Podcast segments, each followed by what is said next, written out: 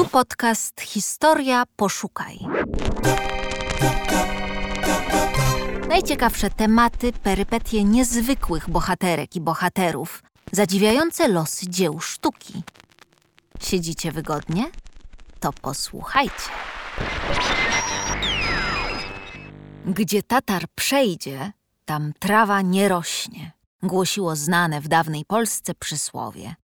Jednak na Podlasiu wojowniczy lud, budzący niegdyś słuszną trwogę, zapuścił korzenie i pozostał do dziś.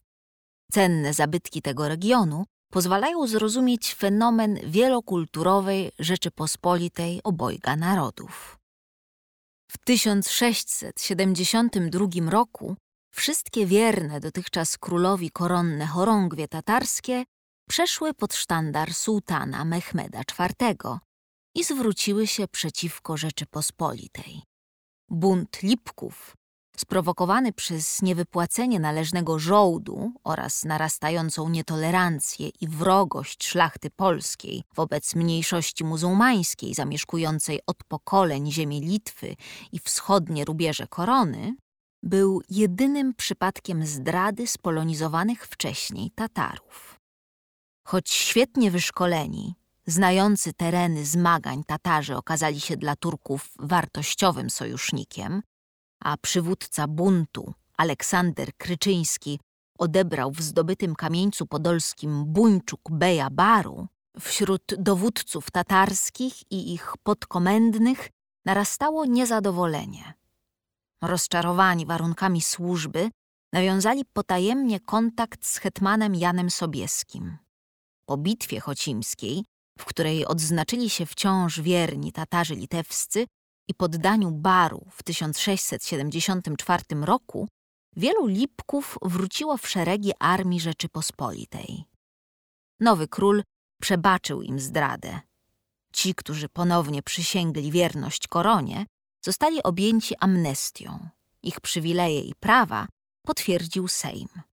Pustki w królewskim skarbcu uniemożliwiły wypłatę zaległego żołdu. Zamiast tego oficerom nadano w 1679 roku ziemię na dzisiejszym Podlasiu.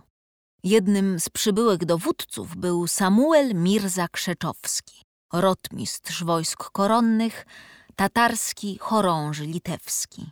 Otrzymał trzy nieodległe od siebie wsie – Kruszyniany, Nietupę i Łużany oraz część Poniatowicz.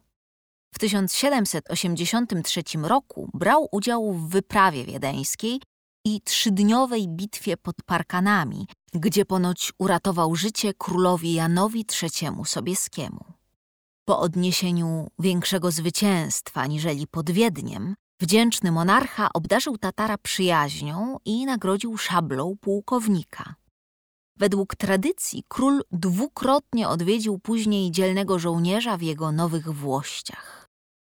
Zabytki osadnictwa tatarskiego na Podlasiu nie są liczne, lecz wyjątkowe w skali kraju. Zalicza się do nich przede wszystkim mizary, czyli muzułmańskie cmentarze w Bochonikach, Kruszynianach, Lebiedziewie, Zastawku i Studziance. Najstarsze pochówki z inskrypcjami z drugiej połowy XVII wieku wyróżniają się dwoma kamieniami nagrobnymi, jednym u stóp, a drugim nad głową zmarłego. Zgodnie z tradycją zwrócone są ku wschodowi, prawą stroną w kierunku Mekki. Niektóre napisy w języku polskim zapisano alfabetem arabskim. Meczety postawione wkrótce po osiedleniu w znaczniejszych miejscowościach, wbrew prawu zezwalającemu jedynie na odbudowę starych domów modlitwy, nie zachowały się. Najstarszy w Kruszynianach pochodzi prawdopodobnie z drugiej połowy XVIII wieku. Drewniany na planie prostokąta o prostej fasadzie z dwiema niskimi wieżyczkami zwieńczonymi półksiężycem i symbolicznym minaretem, o dachu pokrytym gątem, z zewnątrz przypomina skromny kościół chrześcijański. Jest przejawem lokalnego stylu architektonicznego, podobnie jak młodszy o sto lat meczet w Bochonikach. Wyścielone dywanami wnętrza odpowiadają nakazom islamu. Mieszczą oddzielne sale dla kobiet i mężczyzn, zdobione wnęki na święte księgi, michraby, zawsze wskazujące kierunek Mekki oraz kazalnice, minbary. Leżą na szlaku tatarskim, turystycznej pieszej trasie o długości 54 kilometrów, prowadzonej przez wsie nadane Lipkom. Kim byli Lipkowie?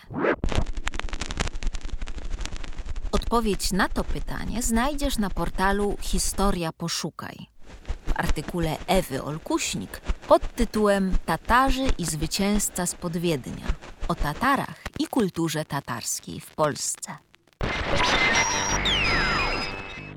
Historia. Poszukaj.